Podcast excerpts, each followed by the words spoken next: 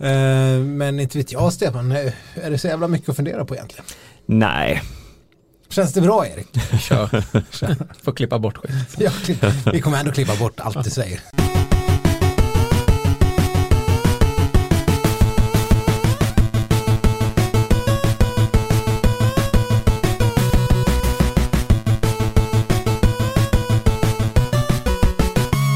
Ja, men då lyssnar ni på återigen ett avsnitt av Skidsnack eh, som är tillbaks med eh, denna nya härliga vecka.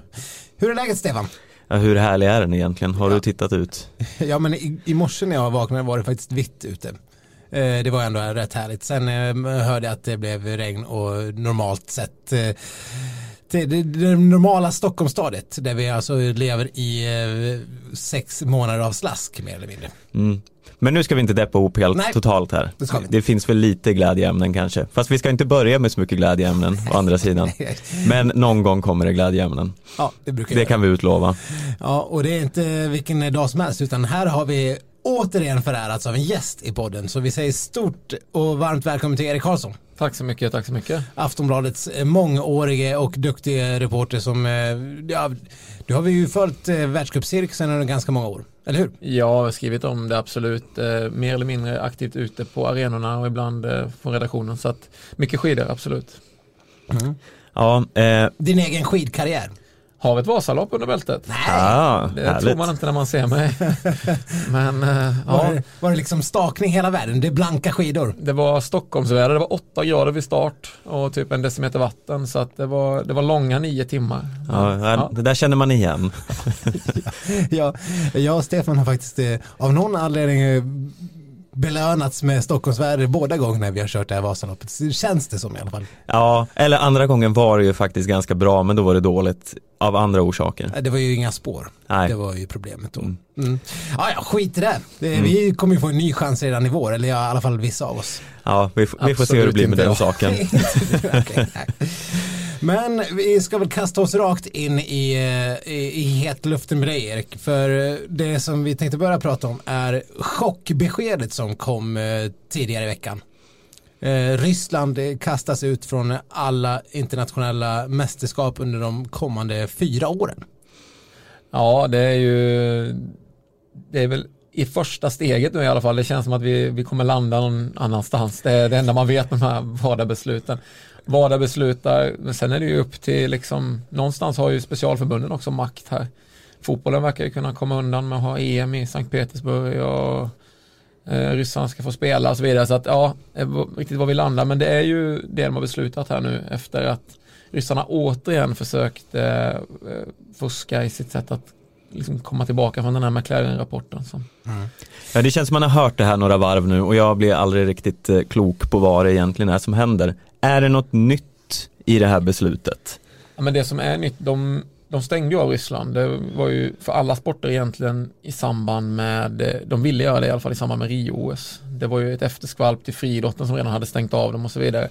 Eh, då tävlade ju ryssarna i allting utom friidrott. Eh, där det fanns en rysk längdhopperska som tävlade för neutral flagg. Eh, men sen har det varit, de har, det ryska antidopningsarbetet har varit liksom svartlistat. De har inte fått ha ett antidopingverksamhet och därmed har de heller inte kunnat komma tillbaka liksom i till exempel friidrotten. Ehm, och sen för att få komma tillbaka så krävde WADA att få alla labbresultat från det här Moskva-labbet, det ökända där man gömde Sochi-prover och fuskade till höger och vänster. Som bara av en händelse låg bredvid KGB högkvarteret. Ja, det är liksom, Osby. ja, men det är hela spionromanen där liksom. Men de, eh, de har krävt att få tillbaka, alltså få hela rådatan från det här labbet för att kunna göra ytterligare efterforskningar på ytterligare eh, eventuellt dopade idrottare då som man inte har hittat i rena testresultat som man har testat om och sådär.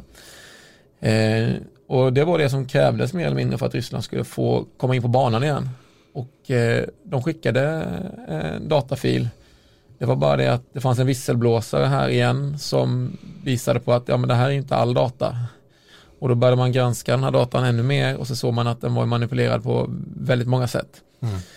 Så det, ryssarna hade chansen att liksom komma in på banan igen men tydligen var ju hemligheten de hade kvar i det här Moskvalabbet fortfarande värd att chansa med att få behålla liksom som en hemlighet.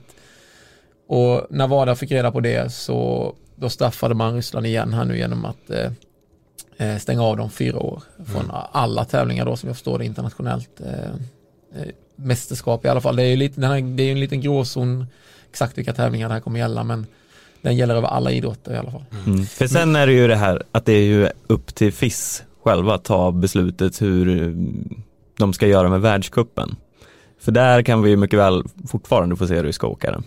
Ja, vi kan ju mycket väl få se ryska åkare på eh, VM också framöver eller OS också framöver. Det är bara att de kör i någonting annat, någon annan färg och så heter de OAR eller vad nu mm. ryska hockeylaget heter i Pyeongchang. Alltså ja. det är ju eh, de som så att säga är förbjudna att delta garanterat det är sådana här som har varit med i McLaren-rapporten. Mm. Där Ostjogov är ju ett av de namnen som, som liksom figurerar där, även om han var 19 eller något vid tillfället. Men alltså eh, om de kommer få tillåtas köra i världskuppen, det är som sagt var helt upp till FIS eh, att besluta om. Mm. Man kan ju se friidrott, alltså jag bevakar ju två sporter som är skidor och friidrott lite extra noga och friidrotten är ju, de är ju föregångare här när det gäller eh, den här typen av liksom, problematik, för de har ju haft, det var ju det första förbundet som, som där det uppdagades och som har stängt av Ryssland sedan dess, sedan 2015. Mm. Och där tävlar ju ryska idrottare i allt högre utsträckning på alla de här eh, internationella tävlingarna. För att man, de bevisar att de liksom inte har något med det gamla ryska systemet att göra eller de tränar utomlands eller de, de har testat så här många gånger under ett visst år. Men eh, ja, det är ju ingen som ser dem som icke-ryssar. Alltså de, de tävlar ju för Ryssland på alla sätt och vis förutom på flaggan efter namnet mm. som det står ANA på i friidrottsvärlden. Precis, och, och det vi var inne på i Pyongyang där så, Pyeongchang så det enda skillnaden eh, var ju att de som tävlade hade OAR som du var inne på, även på skidåkningssidan eh, i, i resultatlistan. Eh, sen var det ju många av de mer etablerade namn som, som inte fick vara med.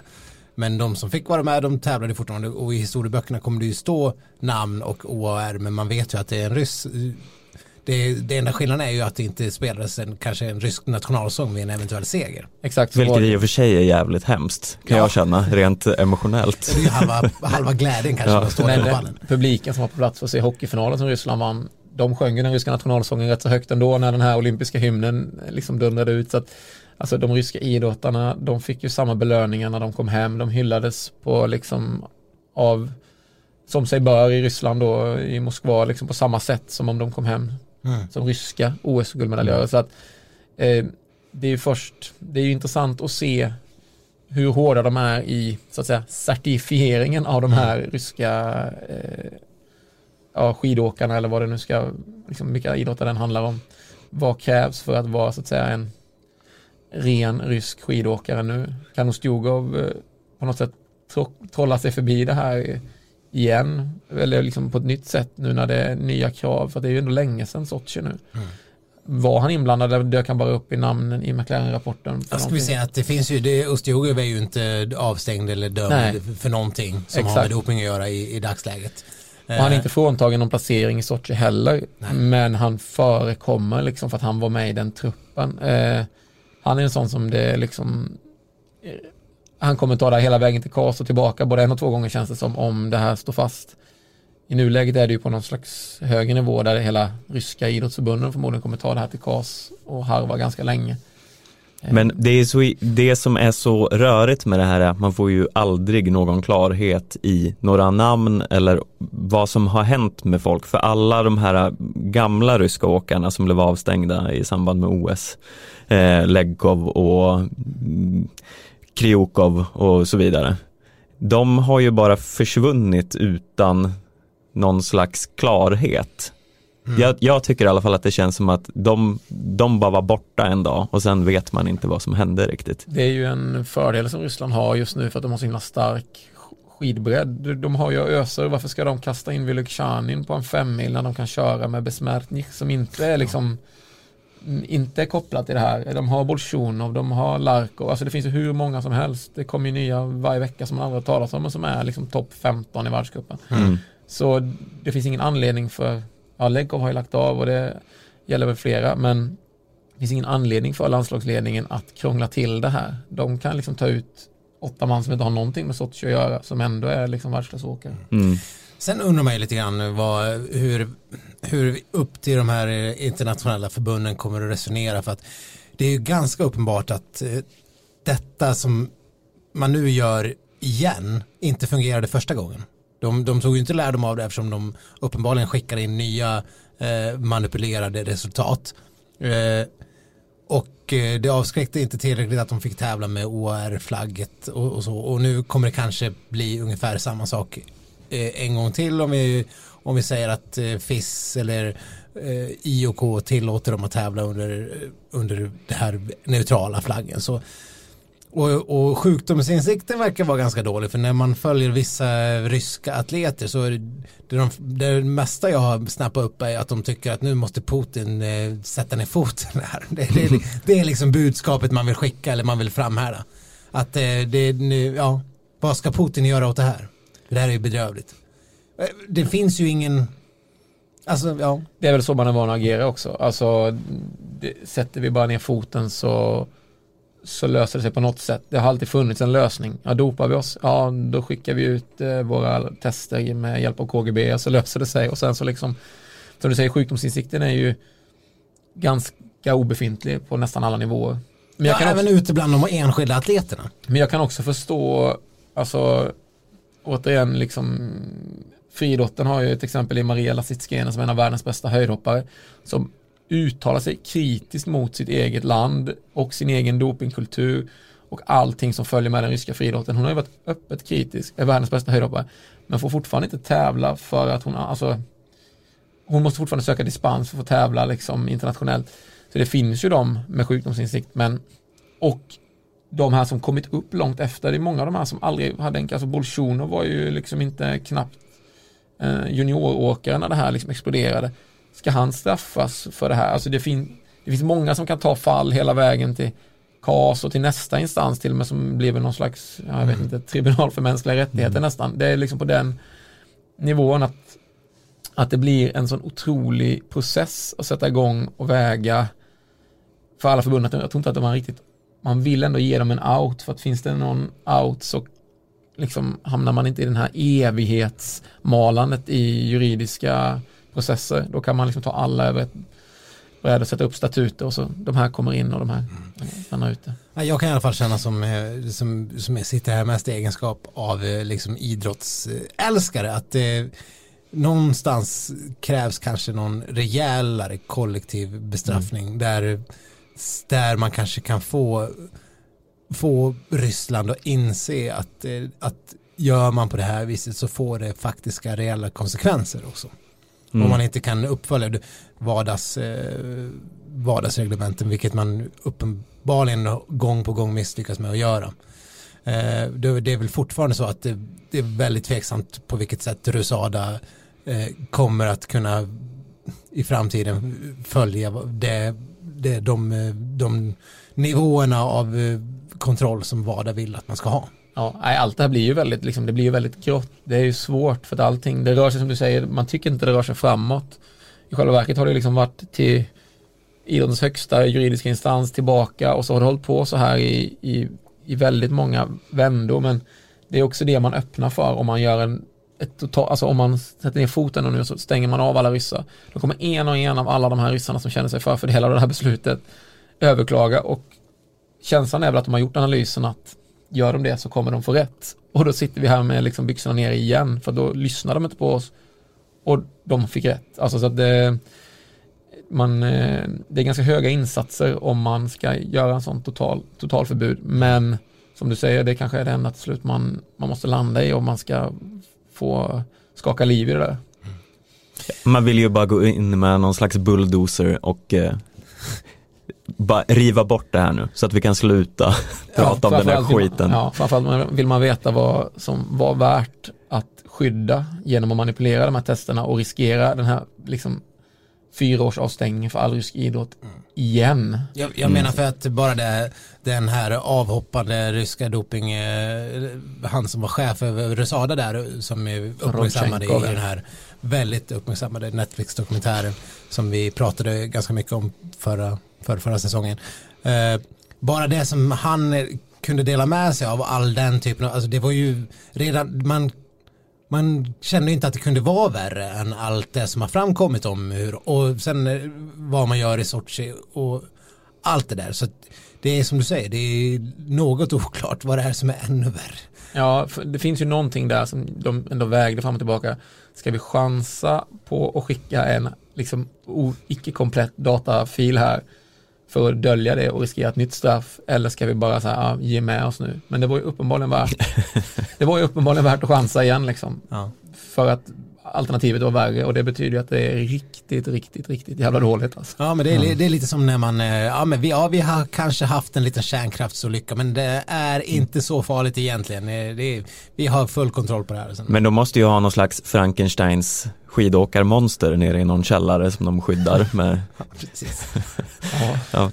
ja. Ja, vi får väl se. Det här känns väl tyvärr som att det inte kanske är sista gången vi kommer börja prata om det. Eh, speciellt med tanke på att vi fortfarande väntar på någon form av besked från FIS eh, om hur de ser på hela den här saken. Jag tycker inte det har... Känslan är att de kommer sitta lugnt. Jag tror att vi kan se, vi kommer se ryska flaggor den här världscupsäsongen ut.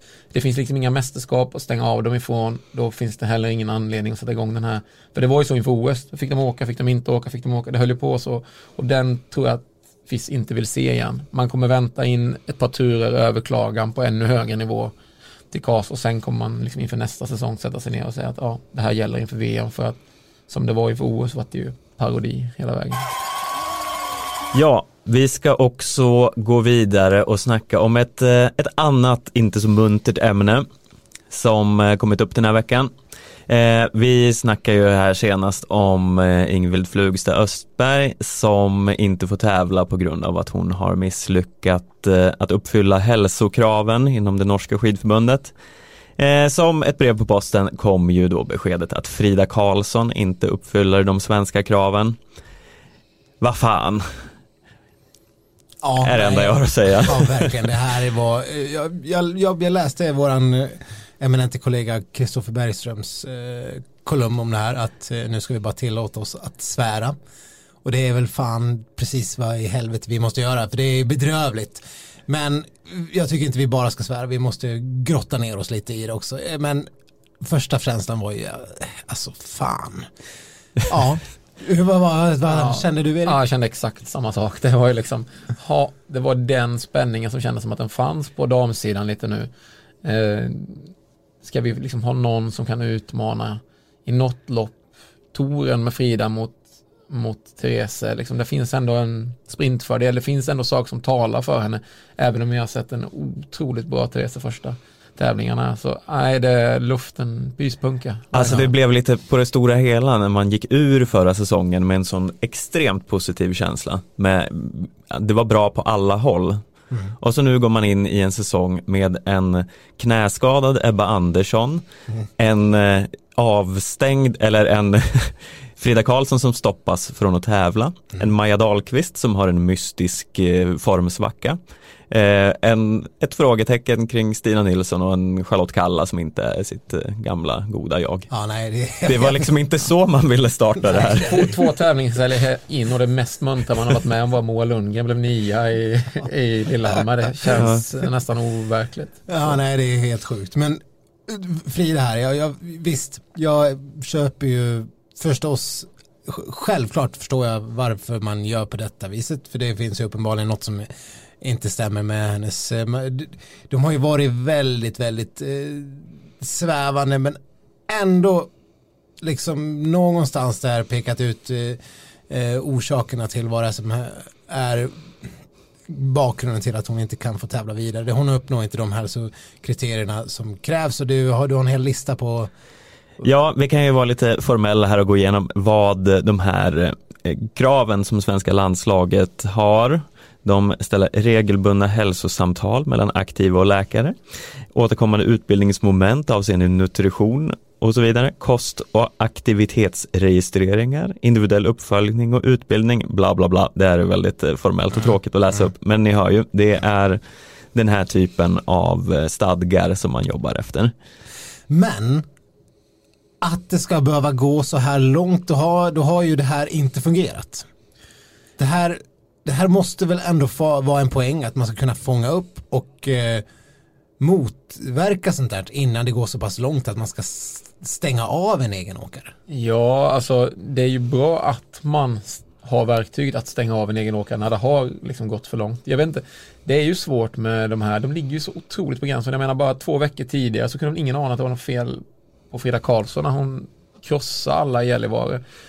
Och det trodde nog inte hon själv och det trodde nog inte läkare heller. Det här känns ju inte som någonting som har legat och smygt. Man har misstänkt att det är någon överträning på gång och det svarar inte. Alltså då är mer scenariot som om Maja Dahlqvist, nu säger jag inte att på något sätt att Maja Dahlqvist formsvacka har med det att göra, men jag menar då ser man ju liksom en oroande tendens över tid att nu svarar inte kroppen. Mm. Eh, här är det ju någonting som har liksom, man har verkligen gått fram till gränsen och sen har hon tippat över den eh, ganska distinkt liksom. Men vad har du för uppfattning av att, vad, är det, vad är det för tester, eller vad är det man kollar på den här typen av tester som man gör på aktiva idrotts Ja, alltså jag, exakt i detalj hur det ser ut i skidlandslaget kan jag inte svara. Nej, de har dessutom en helt, för mig, helt, eh, ja, de har ju en ny läkarstab sedan ett, bara ett, ett och ett halvt år tillbaka här något. Eh, men alltså man vill ju dels så handlar det ju om att de måste få i sig tillräckligt mycket liksom, mm. energi. Det, handlar, det, är ju alltid en sån här grej som man dyker upp, man alltid kollar om det har med som rena ätstörningar att göra. Eh, det vet vi ingenting om i Fridas fall. Men det har ju varit tidigare, eh, jag vet att Norge, så Kristin Störmer Steira har ju liksom fått startförbud för att hon har vägt för lite helt enkelt. Eh, mm. Liksom en ren BMI-koll på samma sätt som man har med backhoppare eller så vidare. Mm. Eh, men sen är det ju, det kan ju vara allt möjligt att man inte, man slutar ta upp eh, energin, alltså för att man är helt enkelt en, en överträningsgrej som kan komma antingen gradvis eller som liksom väldigt plötsligt, man, man väggar lite på det viset. Eh, och det är ju kanske inte riktigt så dramatiskt som det blir när en vanlig person är aldrig så nära den gränsen, men när de går in i den så blir det en väldigt hård smäll. De här kanske behöver ibland bara några veckor på sig och liksom landa, vända och starta om. Liksom. En, eh, exakt eh, vilka tester, det är väl blodvärden och såklart och alla mm. sådana eh, kollar man gör, men eh, och sen kan de ju se jättedetaljerat identiska pass för bara två veckor sedan, hur såg pulsen ut, är den orimligt hög för en ansträngning som i normalt sett ska vara låg så kan man ju liksom dra slutsatser att något är fel. Eh, men det här är inte en influensa eller så, då hade man ju sagt det. Eh, hon var ju sjuk, i, förkyld i samband med detta, men det är någonting annat också som, eh, som gör att man ger henne liksom startförbud även på lite längre sikt. Nej, och som sagt, vi vet ju inte vad som är orsaken. Vi, vad vi kan säga är ju att eh, Fridas mamma har ju själv gått ut och berättat eh, många, många gånger. Hon var ju landslagslöpare, Mia Karlsson, på sin tid. Hon hade anorexi eh, som hon led av och eh, har pratat ganska mycket om eh, i olika intervjuer om eh, hennes egen kamp mot det och hur, hur hon förstås liksom ha det i åtanke när man mm. absolut ingen aning om, om, om Frida har, har eller någonsin har le, lidit av det. Eh, men när det kommer till eh, eh, elit i kvinn, idrottskvinnor, framförallt på konditionsidrotter, så eh, ätstörningar och eh, benskörhet och det finns, ju en, det, det, finns ju en del specifika risker som är mycket större bland, eh, bland kvinnor, eh, bland kvinnor elitidrottare, bara själva ätstörningar tror jag att eh, generellt i allmänheten så är det väl tio gånger vanligare bland, män, eh, bland kvinnor än män. Och eh, problemet med den här typen av idrott är ju att för många kan det vara svårt att ens kunna äta så mycket som, eh, som man behöver. För att eh, kunna, eh, de tränar så pass mycket att det är svårt att godgöra sig den energi som krävs för att kunna upprätthålla den träningen. Ja, och sen dessutom så är ju, alltså det finns ju ett ett väldigt lömskt belöningssystem att de, de första halvkilot, kilot, två kilona du tappar genererar någon slags prestationstopp i nästan alla uthållighetsidrotter.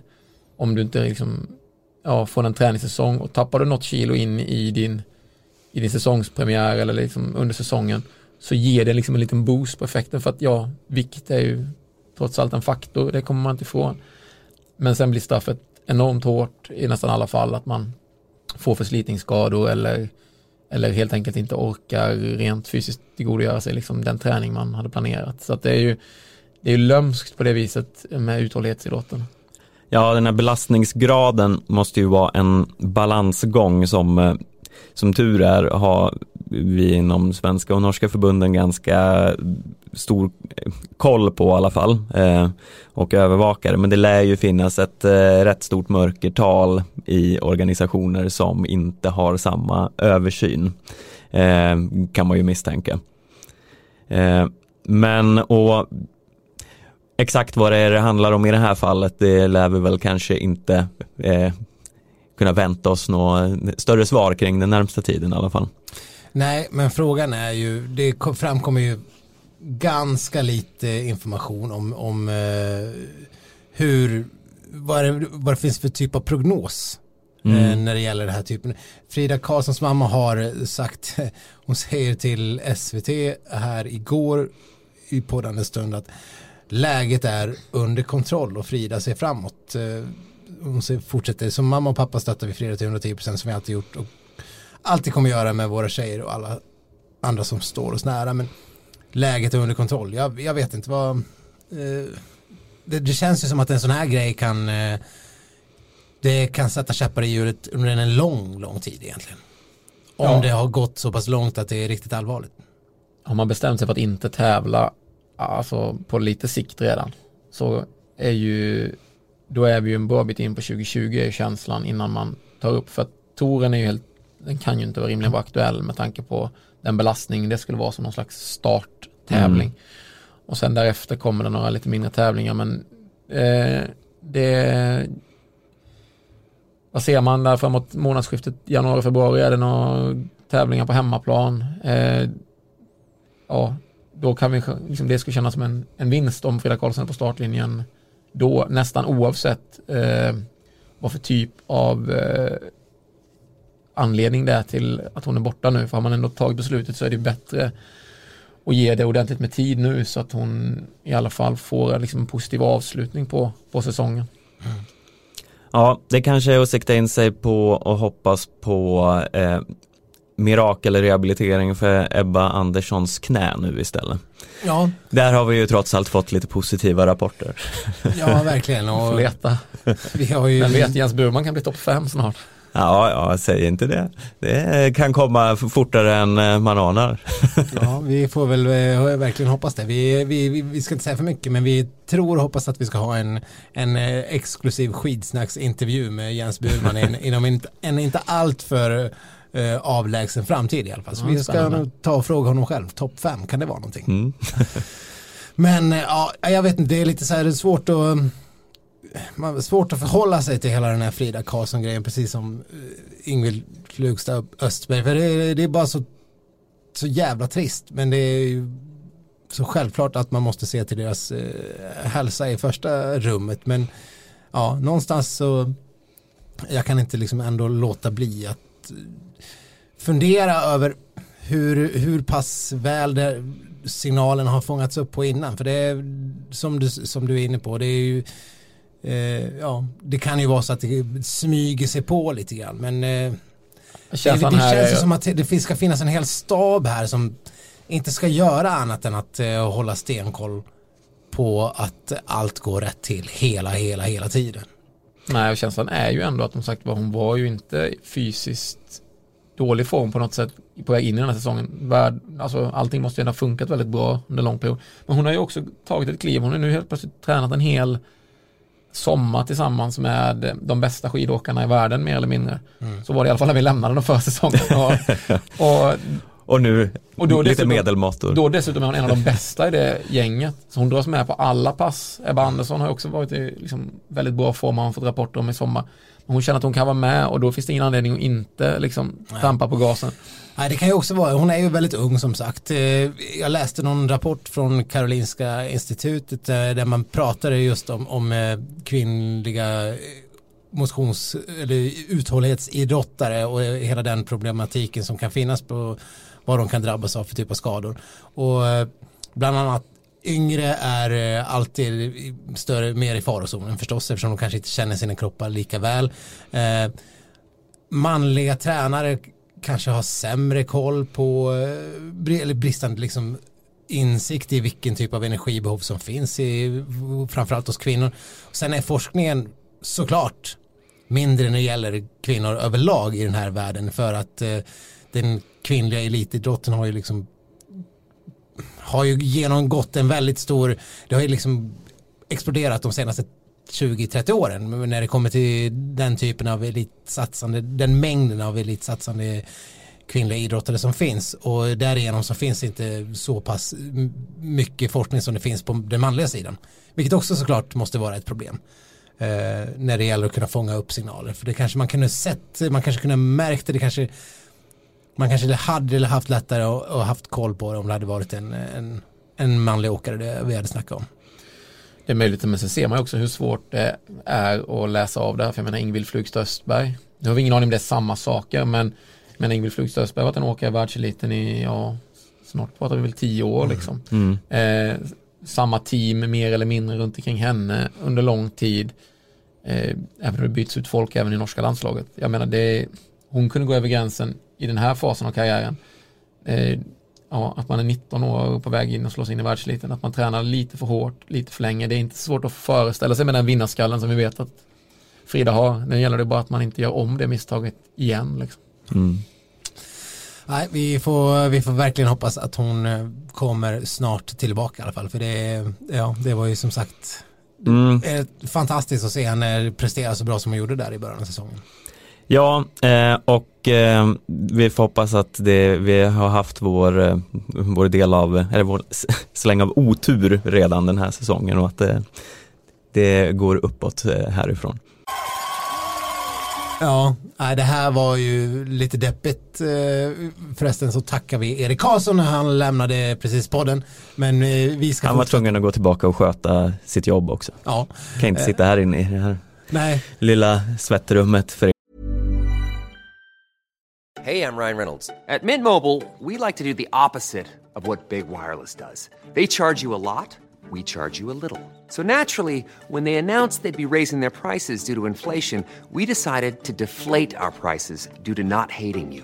That's right. We're cutting the price of Mint Unlimited from $30 a month to just $15 a month. Give it a try at mintmobile.com slash switch. $45 upfront for three months plus taxes and fees. Promote for new customers for limited time. Unlimited more than 40 gigabytes per month. Slows. Full terms at mintmobile.com.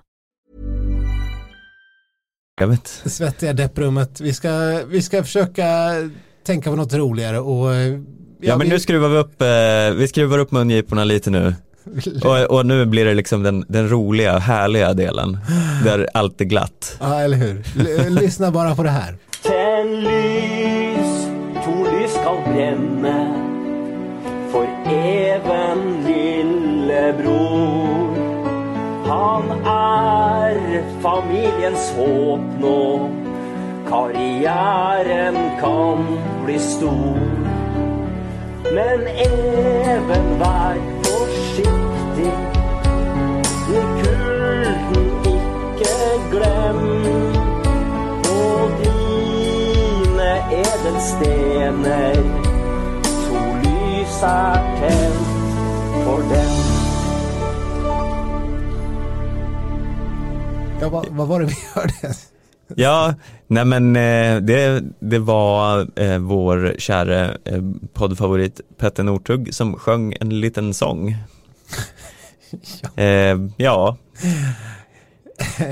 Han har publicerat det här på sin Instagram och efter det här så följer även en sång där han sjunger om sin önskan att få en flickvän tror jag. Man kan sammanfatta det som. Ja, den här första om era norska är lite begränsad så kan vi säga att den handlar om eh, att han tänder ett ljus. Det, alltså jag vet inte riktigt vad det här är för låt. Det är någon jullåt, någon det norsk jullåt. Norsk eller? jullåt, för det var ju inget som vi brukar sjunga i Sverige. Nej, typ tänd ett ljus, ja. heter den nog gissar jag på svenska. Mm. Han sjunger till sin bror Even eh, och eh, ja, uppmanar honom att ta hand om eh, sin pung.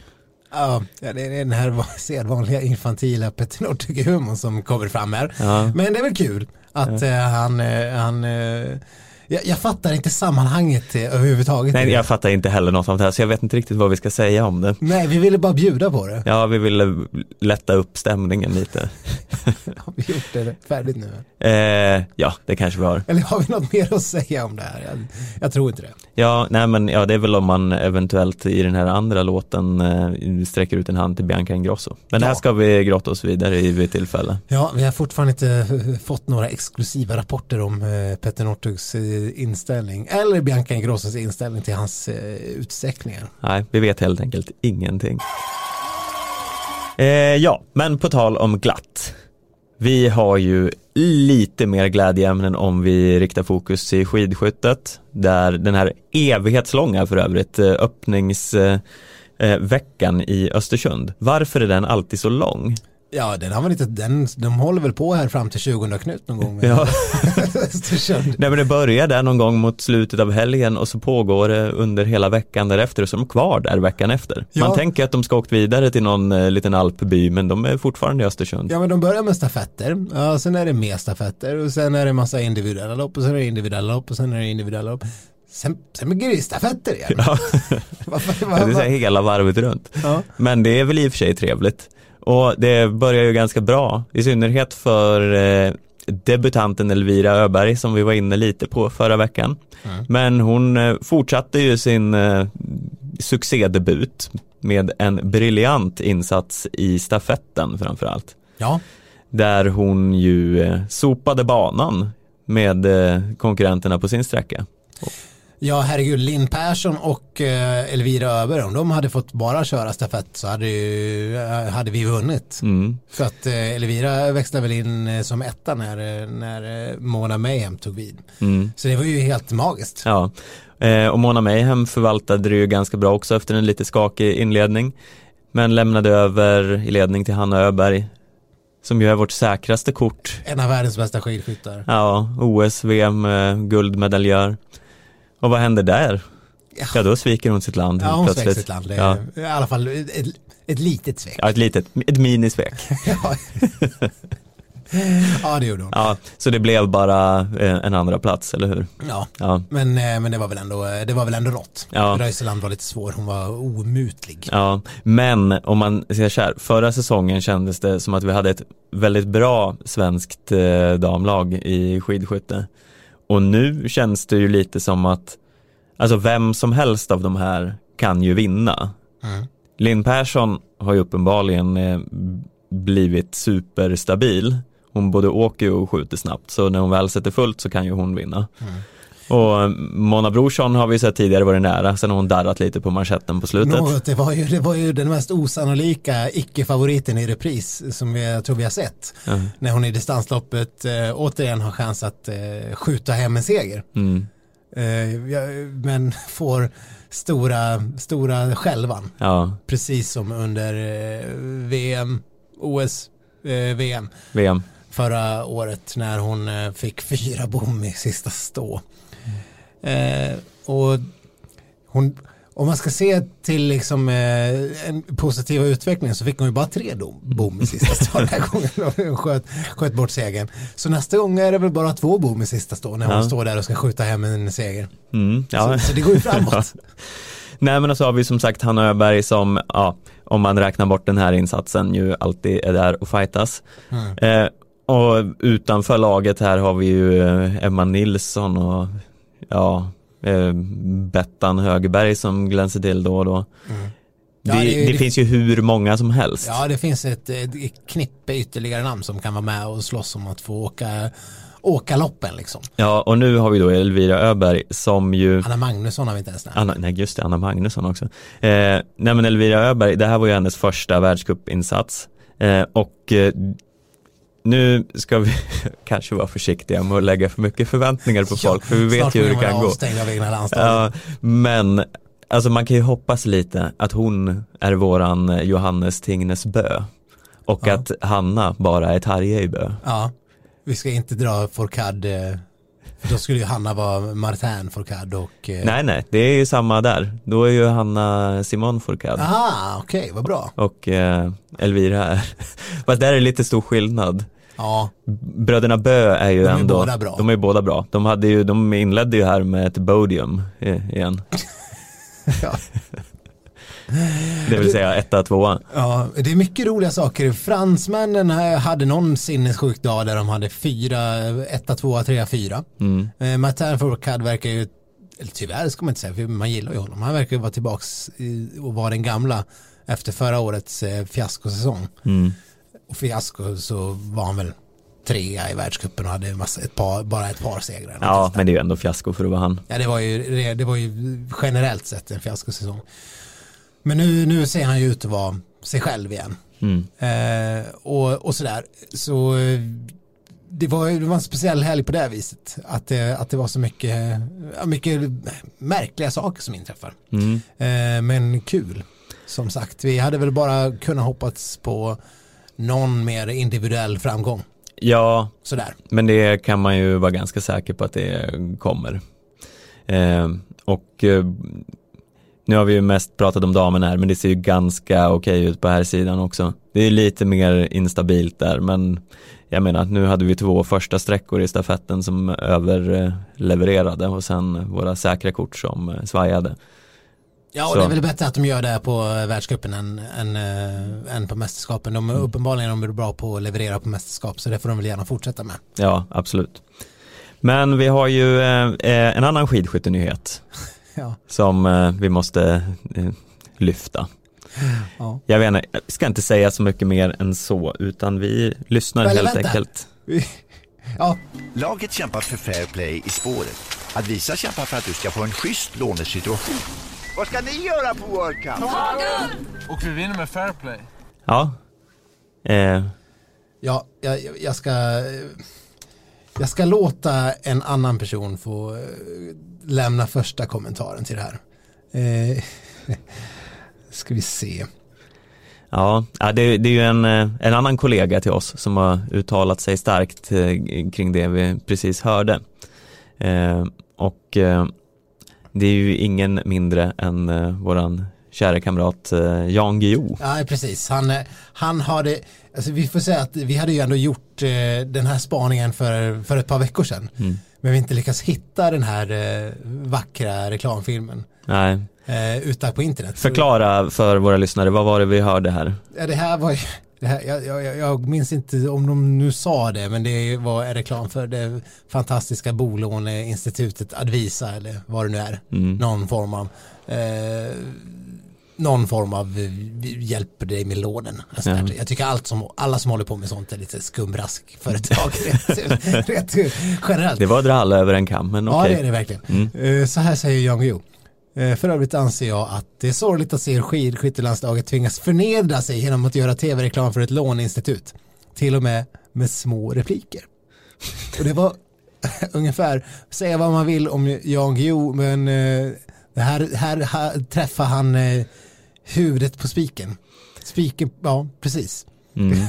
för att det- var ungefär exakt det där är jag tänkte när jag såg den för första gången. Ja, Det var tro... ju för övrigt Sebastian Samuelsson vi hörde på slutet i reklamen. ja, det var han som fick mest eh, utrymme i den här reklamen. Eh, och jag vet inte, jag känner lite att är det skådespelarinsatserna eller regissören det är fel på mest här? Eller är det en kombination? Ja, alltså någon, någonstans, någon slags kombination. Nej, det är nog regissören ändå. Jag tycker inte vi ska lasta Sebastian Samuelsson. Fast det här fåniga när de ska säga tillsammans eh, vad det nu är de säger. Vi ska slåss emot, eller vi fair play hit och dit. Mm. Och sen, sen ska liksom det här, det här nu, nu bara jag, nu med risk för förtal, skumraskföretaget, att visa, jag har ingen belägg för att det är något skumt med dem överhuvudtaget. Men att de, de vill så gärna sammankopplas med fair play och då är skidskyttelandslaget eh, vägen in. Ja, Alltså, jag tycker det, uh, det liksom vänder sig lite grann i magen mm. när man ser det där. jag menar ingen som har sett den här reklamen på tv och den har ju ändå varvats kan väl Men det är ju inte så att man har några mer positiva känslor för att visa efter det här. Nej, men det var ju också, det ska ju nämnas att vi tänkte ta upp det här för några veckor sedan, men det gick inte för vi hittade inte den här reklamfilmen på internet. Nej, det är ju men- ett dåligt marknadsföringsfacit om, Nej, man, om det inte ens går att hitta en reklamfilm. Nej men det är som att de skämdes för den. Ja, Vi, vi, vi har lyckades ju till och med snoka fram vad regissören hette som har gjort den här reklamen. ja. Inte ens på hans hemsida eller på hans Facebook så fanns det ju publicerad. Bara det talar väl en del om vad han tycker om sitt, eh, sitt värv. Ja, ja nej det får, han, vi får hoppas att han eh, är mer framgångsrik nästa gång. Jaha, men ska vi eh, återvända lite till längdskidorna då innan vi tackar för oss den här veckan? Vi. Det har ju varit tävlingar i Lillehammer som vi trots allt måste eh, bearbeta lite. Ja, det finns ju som sagt eh, fler glädjeämnen att plocka fram och eh, vi har ju nämnt en av dem tidigare här i podden, en, en Stefan-favorit. Jens Burman. Ja, alltså jag tror att det är liksom, det närmar sig en stora stund nu. Jag känner att den, den kommer snart. Första pallplatsen. Ja, alltså han, han var ju, eh, man såg en, en, ett nytt självförtroende i honom i helgen. Ja. Det kändes som att han visste att han kunde vara på en eh, högre nivå och då var han där. Precis. Har inte vi varit inne på det där förut? Att liksom om man, så länge man tror att man, man eh, är en världsstjärna så kan man vara det någonstans. För han blev ju då sjua i skiathlonen och det är, han har haft bättre placeringar när man räknar till jaktstarter där åktiden eh, räknas. Men annars, ja, ja, precis. Så sent som förra, förra veckan innan. ja, men det här är ju ett av hans bästa individuella resultat eh, i övrigt. Mm. Och eh, ja, alltså han, han låg ju med där och gjorde allt rätt det här loppet och han eh, följer ju lite på att han inte har någon superspurt. Mm. Och det är ju såklart eh, svårt att konkurrera med. Men eh, skulle det vara individuell start så vet man ju inte vad han kan eh, eh ställa till med. Nej, verkligen. Alltså, det ser man ju jättemycket fram emot att få se honom åka i individuell start eh, och med den formen han har. Men eh, även eh, det som jag tar med mig mest av Jens Burman den här helgen är inte den sjunde platsen utan det är ju hans fenomenala monstersträcka i stafetten. Ja, Det var ju något i hästväg. ja han tog ju in en halv minut där Mm. och sen hängde med. Vilka var det han åkte med? Det, nu har jag tappat det. Ja, det... Tjurröte? Nej, Jo, Tönset var det inte för de var precis, ja, ja, två, vi låter det vara osagt men eh, en ryss och en norrman i alla fall. Ja, precis. Och eh, han hade ju liksom han hade ju bara bestämt sig att han skulle hänga på och det gjorde han ju. Mm. Hela vägen in i mål. Det var ju inte, det var det var ju helt fenomenalt efter att ha hämtat in de där 28 sekunderna eller vad det var som han var efter. Det var väl typ 18 efter nor- nor- norrmannen.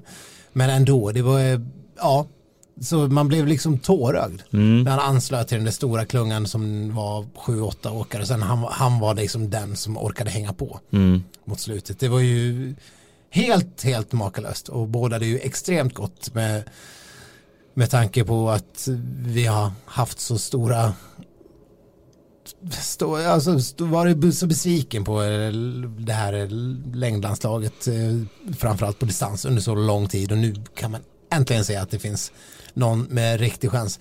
Jag menar det känns ju som att Jens skulle kunna vara topp 10 resten av säsongen lite grann i vilket lopp som helst när det gäller distans. Ja, och i skiathlonloppet sa han ju det själv, det var ju också lite förtroendeingivande att eh, för Holund eh, ryckte ju vid en vätskekontroll och eh, fick ett försprång och mm, lyckas få med sig eh, Niskanen och Bolsjunov och om det var någon till. Eh, men eh, Burman var ju inte riktigt med på att det där hände, eh, det där rycket och var lite besviken på sig själv att han inte noterade det och gick med för han kände sig ändå eh, fräsch. Eh, så Ja, det var ju en läropoäng för att han hade en ganska dålig position. ja, eh, och då tänker man ju att, att om han hade lyckats gå med Holund där eh, i en lite mindre klunga, det, då hade det kunnat gå ganska bra där. Verkligen. Eh, Men eh, det var inte det enda, vi ju- måste ju säga det, den här reservbetonade helgen var det ju faktiskt ett ganska kul resultat eh, i båda stafetterna egentligen. Ja, och då ska man väl ändå flika in där, herrstafetten kanske framför allt. Det var ju, det var ju lite åderlåtna lag. Mm.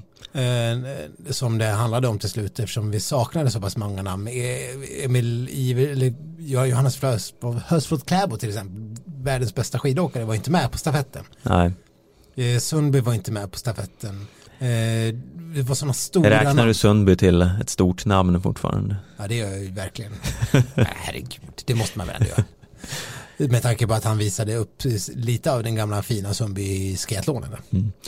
Nej men absolut, det var ju lite reservbetonat på sina håll och Ryssland valde ju någon extremt märklig taktik och istället för att toppa ett lag så delar de upp eh, åkarna eh, på hade ungefär två jämnbra lag, vilket i och för sig var en framgångssaga Ja, eftersom de var etta och eh, tvåa. Fantastiskt, och, men Ostjugov skulle ju inte ens åka först.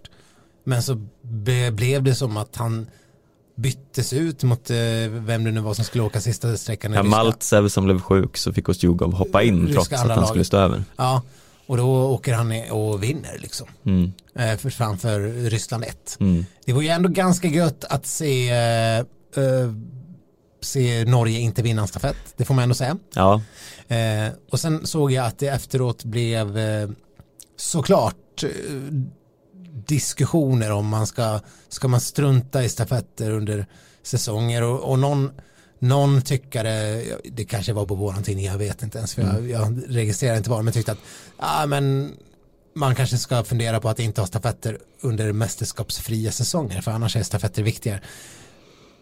Jag förstår inte den diskussionen överhuvudtaget. Stafetter är ju svinkul. ja, alltså jag känner bara, vi måste ju ha fler stafetter. Ja, Jag tänker att den största anledningen till att eh, det inte känns så viktigt är för att det är så få.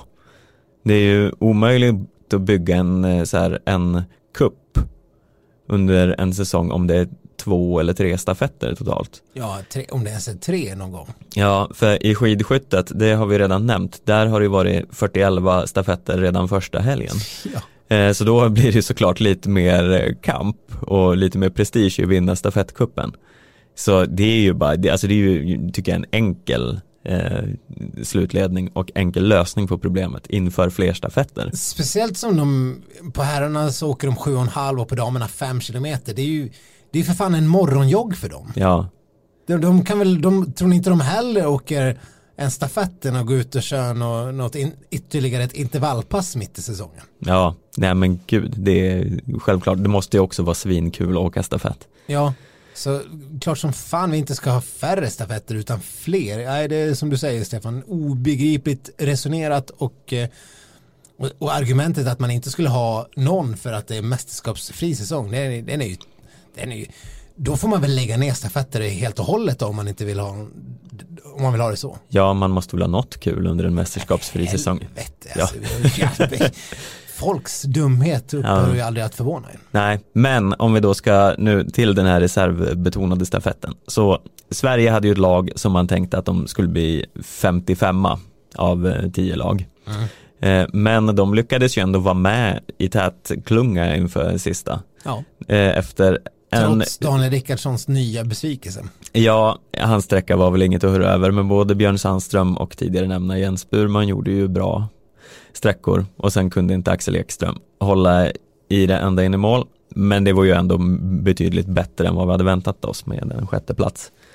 Eh, och eh, på damsidan, där hade vi ju succéartade framträdanden av Emma Ribom och eh, Moa Lundgren. Som eh, ja, tillsammans med Elina Rönnlund och Charlotte Kalla kom trea. Och det hade man ju inte heller tänkt med det laget. Nej, och vad glada de var. Ja, För det var ju väldigt roligt. Och Charlotte var så glad. ja, Eh, som gjorde ju liksom en, en bra sträcka. Eh, för hon fick jaga och sådär. Mm. Men ja, det var ju vad det var. mm, Det, det, var, ju, det var ju främst de andra namnen som, som sticker ut. De Mm. gör så fina insatser. Eh, och, och vi lyckas eh, knipa en pallplats. Så att eh, det båda ju verkligen gott med tanke på de namnen som, eh, som saknas. ja. och eh, samma sak där med skiathlonloppet. Där både Emma Ribom och eh, Moa Lundgren gjorde det ju kanonbra i eh, det loppet. Man hade ju verkligen inte tänkt eh, eh, några mer framskjutna placeringar bland dem när det var ett så, alltså alla våra toppåkare är ju borta. Så man hade ju inte tänkt att vi hade liksom ett sånt här starkt skikt där under, men det har vi ju verkligen. De här har ju åkt lite under radarn kan jag eh, känna. De har varit med ganska länge i så här, ja men lovande namn, men man hamnar ju lite i skymundan om man inte är världstopp i svenska damlandslaget. Ja men så är det verkligen. Och, men nu är det ju, jag menar som Moa Lundgren, hon känns ju som världstopp. Ja, helt plötsligt. Helt plötsligt, bara sådär. Är, vi ska ju verkligen inte säga för mycket. Det är ju, det är ju, det är ju en stor, lång säsong. Och det är, men det finns ju också, nu vi, om vi ska bara blicka framåt lite grann, Linn Svan till exempel ska åka i, i helgen som kommer. Och, och både, hon är en av de få som ska åka både sprint och distans. Och där känns det som att hon kanske också kan få ett jätteschabrak genombrott. Ja. Man vet inte. Nej. Det är det som är så jävla spännande med svenska damlandslaget. Eh, Men om vi ska återgå till Moa Lundgren, jag är lite, jag har, jag är lite, ja, dels så fick vi inte se några tårar och inga sågningar i helgen, vilket var lite av en besvikelse. Eh, Men det finns ytterligare ett, eh, ett stort, stort, stort orostecken. Eh, jag, jag vet inte hur mycket jag utstrålar ett enormt frågetecken här nu, men jag vet inte alls vad du pratar om Ja, faktiskt. du ser ut som ett stort frågetecken. Jag uppmärksammades på det här av en, av en gemensam eh, vän, vi kan kalla honom PO, Mm. eh, som, som tydligen stalkar henne på Instagram. Mm. Och eh, det visar sig att hon eh, är någon form av die hard Manchester United-supporter för att det är hennes Insta-story. Men gud. Vad, Ugh, ja. Jag vet inte vad jag ska säga. Jag har lite svårt att hantera sådana här nyheter. Det kommer till personer som man gillar så pass mycket. Jag hade en kollega här om veckan som, eh, som jag tycker väldigt mycket om som också helt plötsligt bara kom ut som en sån. Och då, det, det liksom blir som att eh, man ser helt annorlunda på en sån person. Okej, för att vara the voice of reason här. Jag har ju länge efterfrågat bland, eh, för eh, förståelsens skull här, så jag är inte jätteintresserad av eh, engelsk fotboll. Men jag har försökt, jag har efterfrågat en förklaring till varför det är ett sånt brott mot mänskligheten att hålla på Manchester United.